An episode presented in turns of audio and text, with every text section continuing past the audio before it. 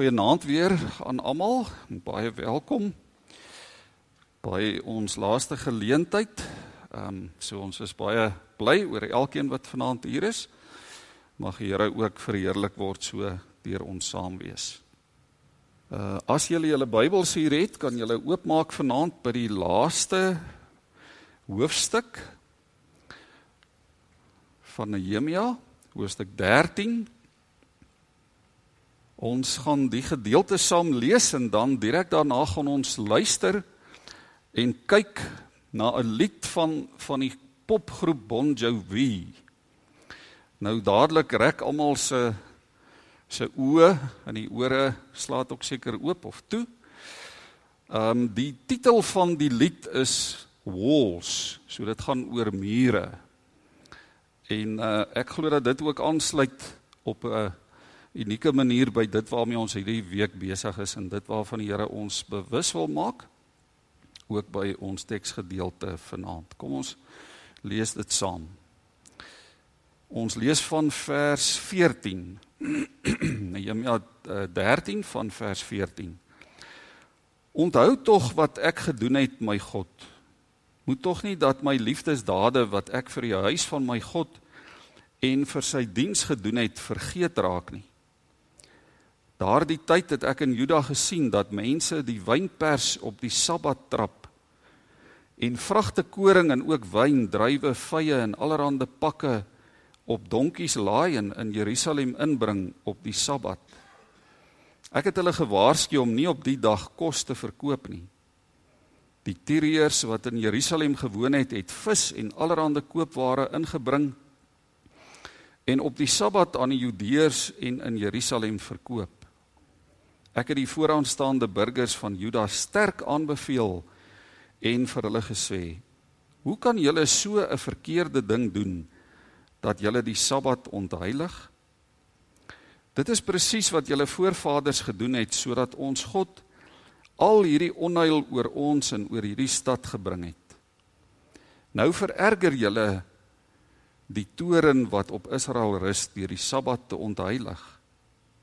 Ek het toe opdrag gegee dat die poorte van Jerusalem gesluit moes word sodra dit daar begin donker word op die aand voor die Sabbat en dat die poorte nie oopgesluit moes word voor na die Sabbat nie. Ek het van my eie dienaars by die poorte geplaas sodat daar geen vrag op die Sabbat sou inkom nie.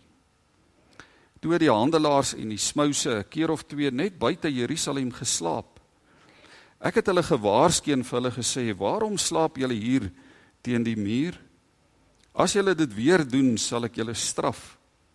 Daarna het hulle nie weer op die Sabbat gekom nie. Ek het die Lewiete opdrag gegee om hulle te reinig en die poorte te kom bewaak sodat die Sabbatdag 'n heilige gehou sou word. Onthou tog ook dit, my God. Ontferm U oor my in U groot liefde. Daardie tyd het ek ook nog Judeërs gesien wat benoud was of wat getroud was met vrouens uit Asdod en met Ammonitiese en Moabitiese vrouens. Van hulle kinders het die helfte Asdods gepraat of die taal van 'n ander volk. Judeërs kon hulle nie praat nie. Ek het met die mense geraas, hulle vervloek, party van hulle geslaan hulle hare uitgetrek en hulle voor God 'n eed laat aflê. Julle sal julle dogters nie laat trou met die heidene se seuns nie en hulle dogters nie met julle seuns of met julle self nie. Dit was tog hiermee dat koning Salomo van Israel gesondig het. Onder die groot nasies was daar nie 'n koning soos hy nie. Sy God het hom liefgehad en hom koning laat word oor die hele Israel. Maar vreemde vrouens het ook vir hom laat sondig. En nou moet ons hoor dat julle hierdie groot kwaad begaan het en ou ontrou aan ons God geword het deur vreemde vrouens te trou. 'n Seun van Jojada, seun van die hoofpriester Eljasip was die skoonseun van Sanballat die Goroniet. Ek het hom van my af weggejaag. Onthou hulle, my God. Hulle die priesterskap en die plegtige onderneming van die priesters en die leviete besoedel. Ek het hulle gesuiwer van al wat vreemd was en diensbeheerte vir die priesters en die leviete vasgestel, elkeen vir sy werk. En ook die heffings van hout op die vasgestelde tye en die eerstelinge. Onthou dit tot my voordeel my God. Kom ons luister na na daardie lied. Uh, probeer die woorde hoor. Ek gaan die woorde na die tyd herhaal. Uh so ons gaan weer daarna toe terugkom, maar probeer die woorde ook hoor. Goed, ek gaan nou nie vra wie is is Bon Jovi fans nie. Ek weet dis baie van julle. Iemand het dit al bely net nou daar buitekant. Ehm um, ek gaan die woorde vir ons lees want ek weet nie almal kon dit baie duidelik hoor nie. Ehm um, en dan gaan die woorde op die skerm ook verskyn. Dit klink so My mama told me when I was younger, you better speak up. Don't be a number. My daddy told me when it was thunder, go be the lightning. Don't run for cover. Who's going to help the helpless? Sometimes we're all alone. These days we are all just looking for a place that we can call, call home. Now we can't climb over and you can't go around. Build them up, we'll tear them down. Brick by brick, gonna watch them fall. Build more bridges and tear down walls. These walls are the mountains that we climb. These walls are the great divide. Brick by brick, gonna watch them fall. Build more bridges, tear down walls. The space between us is getting wider. We need this bar to light the fire. Show me the promise, give me some dealing. There is too much hurting. We need some healing. Who's going to help the helpless? Sometimes we are all alone. These days, we are just looking for a place that we can call home. Ek dink dis woorde um wat 'n mens oor en oor kan lees in 'n in 'n sekere sin is dit woorde waarmee ons kan identifiseer ook. Dis woorde wat iets sê oor die emosies wat ons ook in hierdie lewe en hierdie wêreld hier op aarde beleef.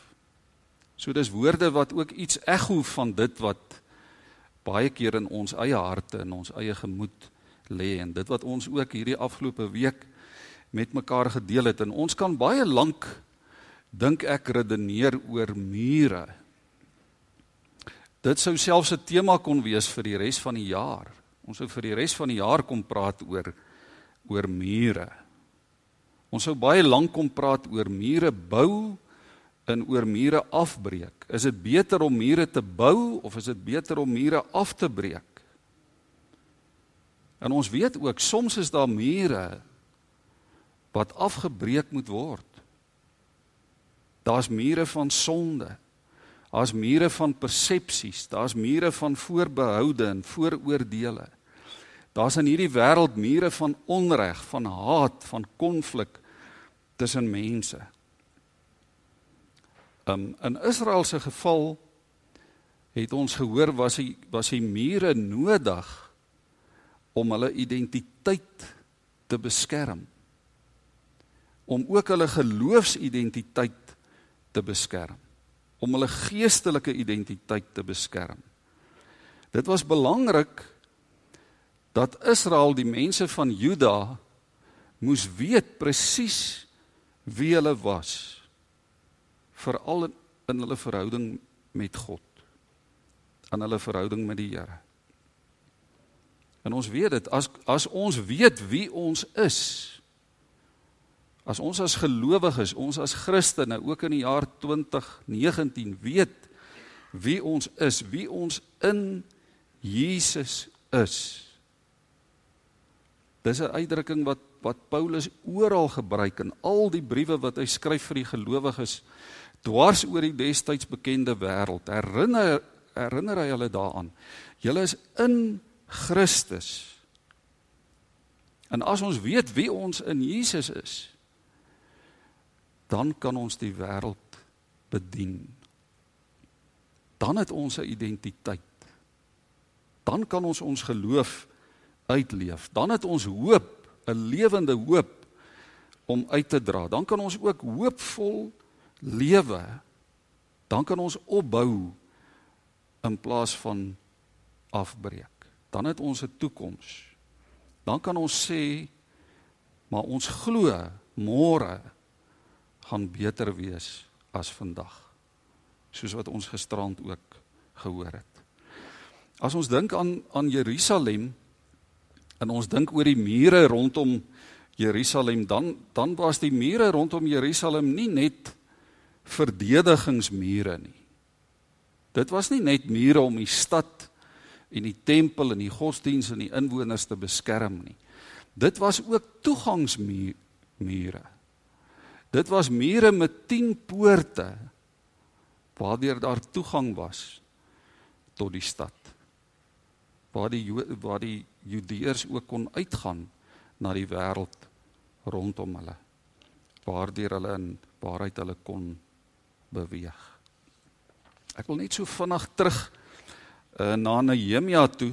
Ons het gisterand ook uh, gehoor dat dit dat dit soms van ons ook vra in ons verhouding met die Here en as ons vra hoe gaan dit met my en hoe gaan dit met ons en ons verhoudinge met mekaar en hoe gaan dit in ons verhouding met God dat ons radikaal sal optree.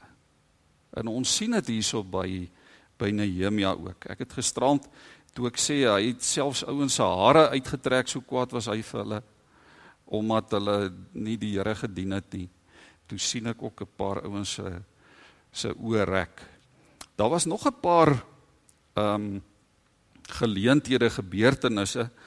Ons lees van die priester Eljasip wat by die tempel, by die tempel was daar 'n voorraadkamer, 'n spesiale voorraadkamer waarin onder andere die offergereedskap en die wierook en die graanoffer en die tiendes wat die Judeërs gebring het as offers vir die Here en wat uiteindelik um op die spesiale feesdae geoffer moes word. Dis dit dit was alles bewaar in daai voorraadkamer. Dit was 'n spesiale plek, dit was 'n heilige plek. En toe gaan die priester Eljasip en hy laat vir Tobia die ammonitiese staatsamptenaar laat hy toe om te loseer binne in daai voorraadkamer. Hy laat hom daar bly. Wat beteken dit dat die voorraadkamer en alles wat deel was daarvan eintlik ontheilig is deur hierdie ongelowige wat toegang gehad het tot die voorraadkamer. En Nehemia reageer reageer heftig ten opsigte daarvan. Ehm um, ons lees ook van die ampswerk wat by die tempel verwaarloos is. Dat die dat die priesters en die leviete en die sangers, die ouens wat diens gedoen het by die tempel, ehm um, dat hulle onbetroubaar geword het, dat hulle oneffektief geraak het. Ons lees dit alles hier in Hoofstuk 13. Dat die tempeldiens eintlik tot stilstand gekom het. Dat dit nie meer gefunksioneer het nie. En daarom hierdie heftige reaksie by Nehemia. Ek dink almal van ons wat vanaand hier sit het, het al ondervinding gehad van 'n papwiel.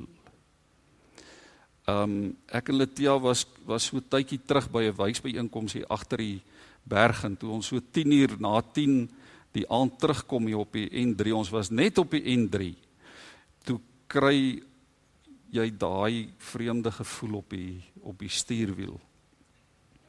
En daai vreemde geluid en toe ek uitklim, toe is dit so. Toe's daar 'n papwiel en ons sit toe daar langs die N3 en ons moes hierdie papwiel omruil met die vragmotors wat verbyry. Eintlik vreeslik gevaarlik. Elke keer as 'n lorry verbykom, dan spring ek eers weg sodat hy kan verbykom. Pik donker met 'n selfoon is ons nou besig om hierdie papwiel om te ruil. Dis nogal 'n Dis nogal 'n beproewing. Dis 'n dis 'n ongewenste ontdekking om te maak as jy iewers heen op pad is. En soms kom 'n papwiel mos met tyd.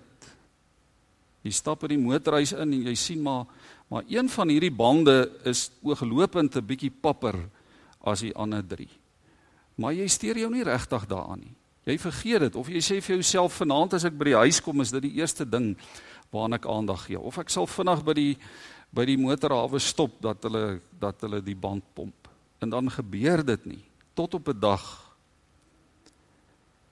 dat die onvermydelike gebeur. En dan is dit meeste van die tyd so te sê te laat. Dan is die koel deur die kerk. Dis ook so met geestelike agteruitgang.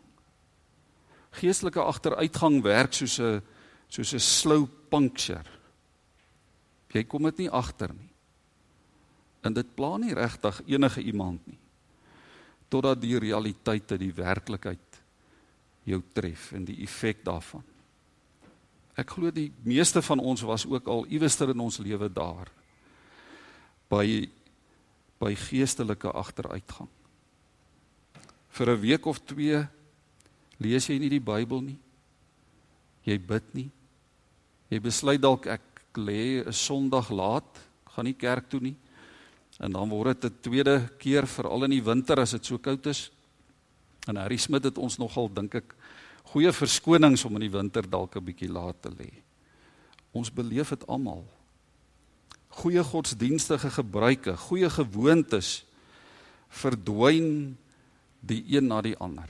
Dit laat my altyd dink aan iemand wat eendag vir my gesê het, maar dit moet nooit 'n gewoonte wees om kerk toe te gaan nie.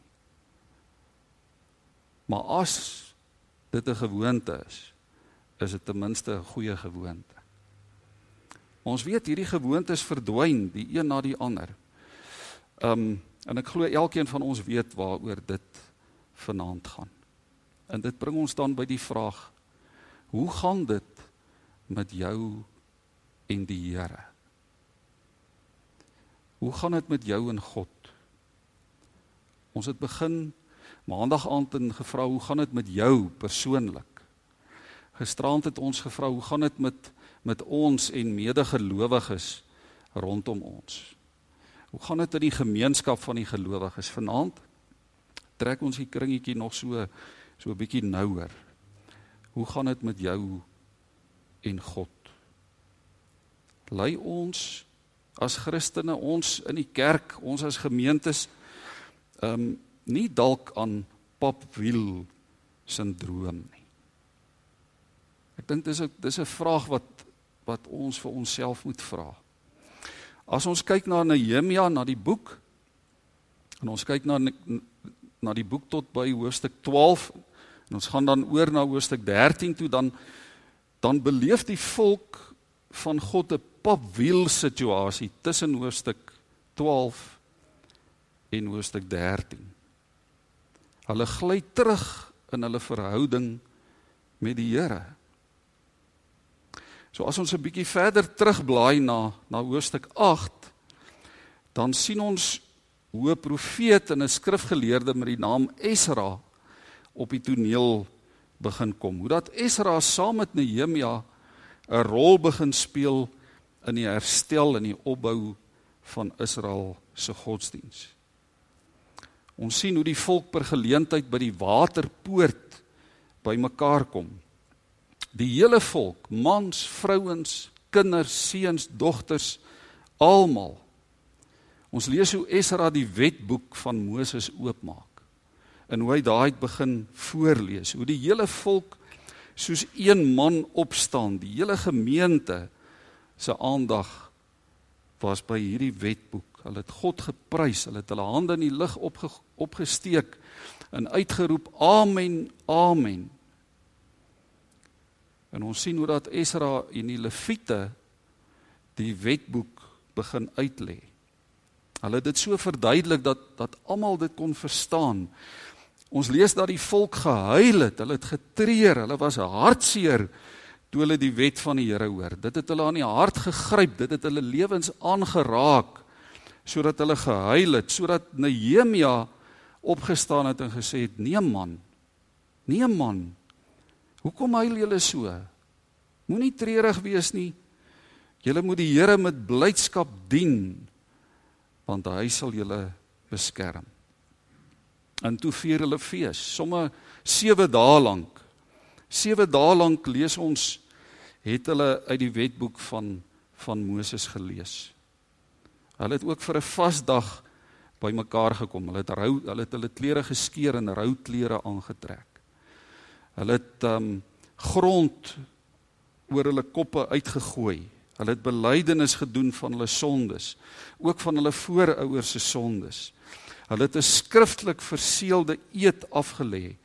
Hulle het hulle self daartoe verbind om te leef volgens hierdie wet van God wat hulle gehoor het om God se gebooie nie te verwaarloos nie. Hulle het dit beloof, hulle het beloof ons sal die huis van God nie verwaarloos nie.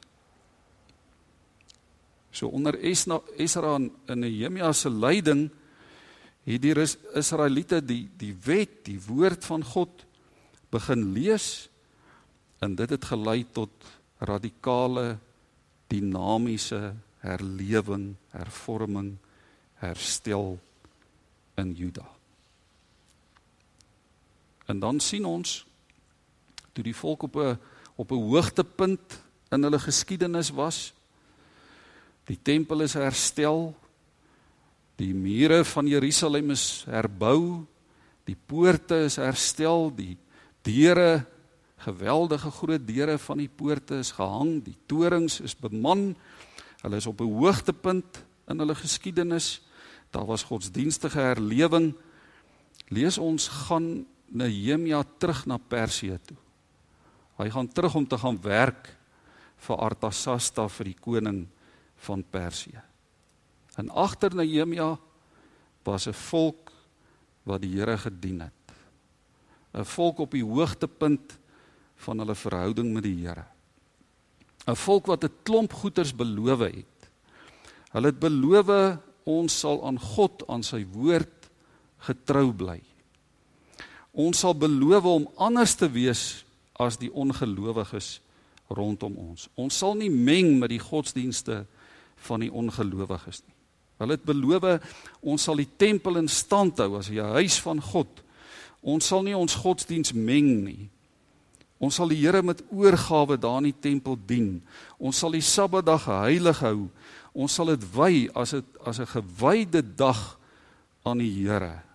Ons sal sy naam eer. Ons sal ons huwelike, ons gesinslewe sal ons suiwer hou.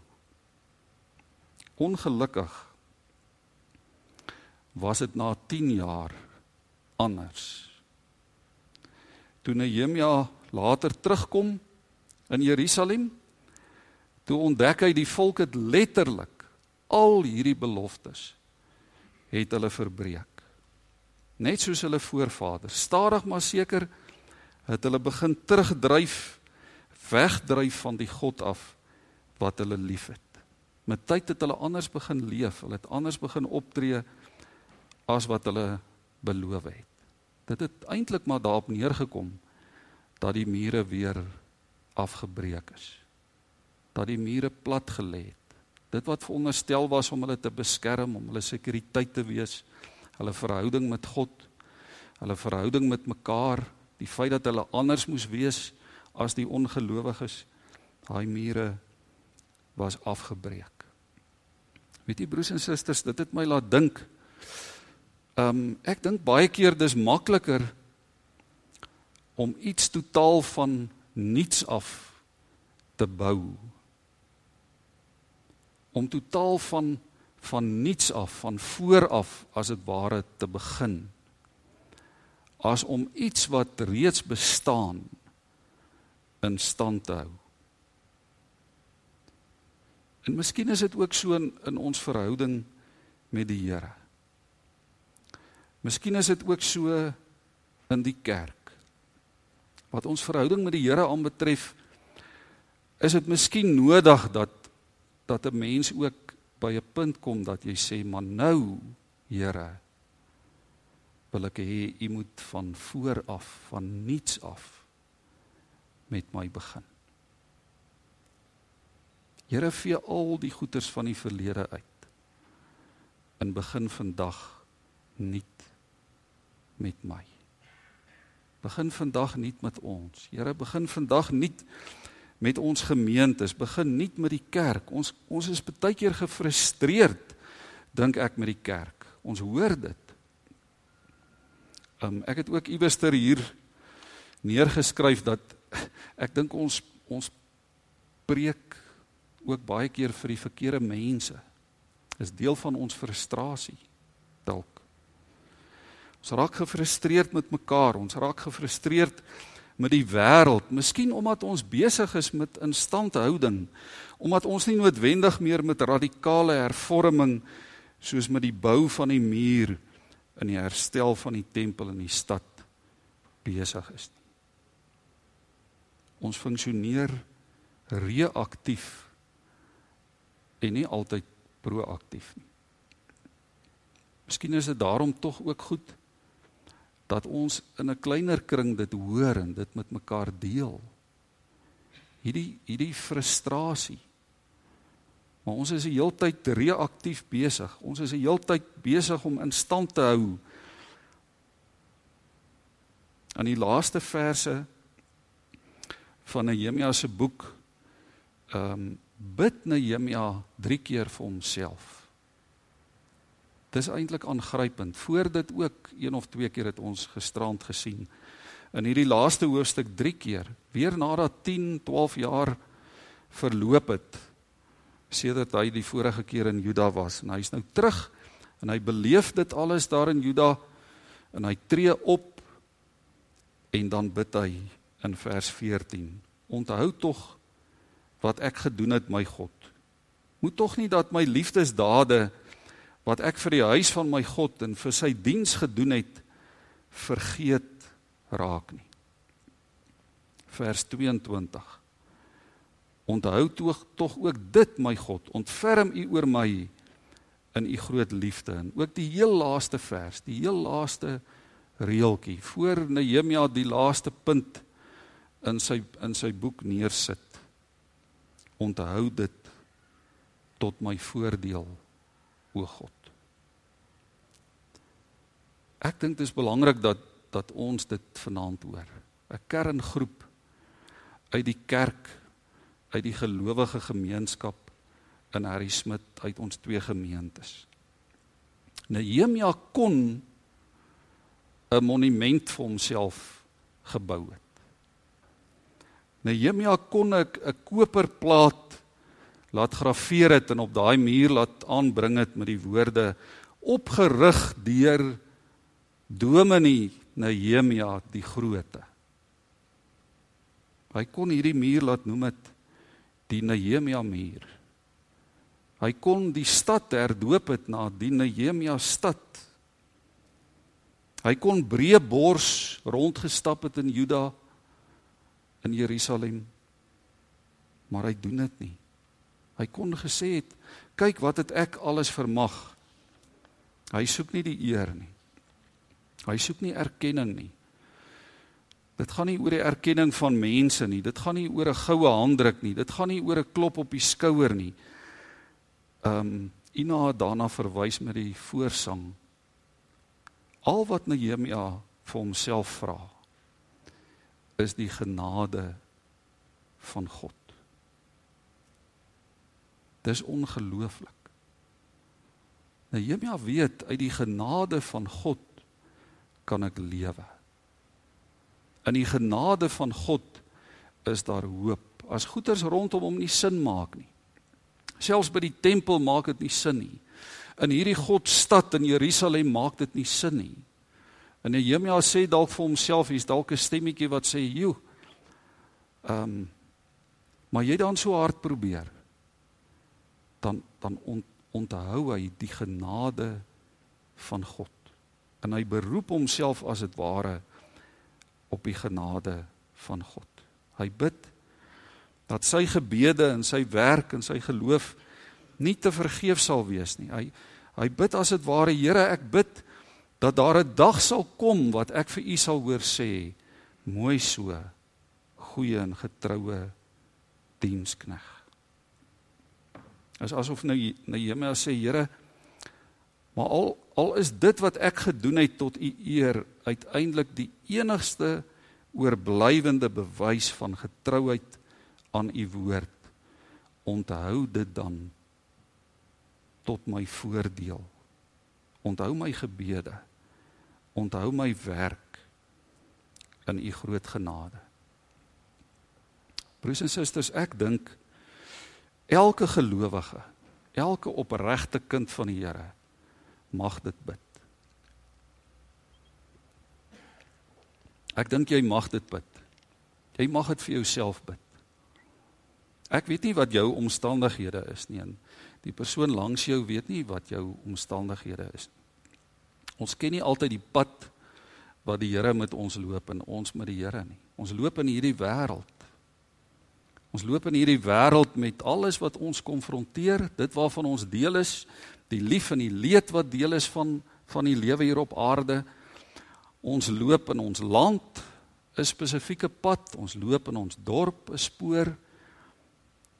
Die meeste van julle kom 'n leeftyd met die kerk baie al lank met hierdie gemeente. Ons mag dit vir onsself bid. As dit baie keer vir ons voel dinge rondom ons in die wêreld is besig om in mekaar te val. Moenie moedeloos word met Jerusalem nie. Moenie moedeloos word met Jerusalem nie. Moenie moedeloos word met jou omstandighede nie. Moenie moedeloos word met die tyd waarin ons lewe nie. Moenie moedeloos word met jou familie nie. Moenie moedeloos word met die mense wat saam met jou die pad loop nie, met ons land en met ons dorp. En kom ons sê nou maar ook met die kerk wat ons baie keer vraagtekens laat maak nie. God roep ons om konstruktief en gefokus besig te wees om oral tekens van sy koninkryk in hierdie wêreld op te rig. Ons het gesê dat Nehemia en Esra en Ester en Maleagi wat die laaste boek in die Ou Testament geskryf het, hulle was almal tydgenote. Al kry ons vir vir Ester en vir Esra en vir Nehemia vroeër in die in die Bybel. Hulle was almal tydgenote. Hulle het opgetree so 450 400 jaar in selfs korter voor die koms van Christus. En ons kry aan die einde van die Ou Testament in Maleagi 4, heel aan die einde, in die laaste hoofstuk van die Ou Testament, by 'n tydgenoot van Maleagi, uh by by 'n tydgenoot van Nehemia kry ons by Maleagi wat seker ook Nehemia se hart gehoor het. Wat Nehemia se se woorde gehoor het en sy hart geken het. Hoor ons in Maleagi 4 vers 2 hierdie woorde.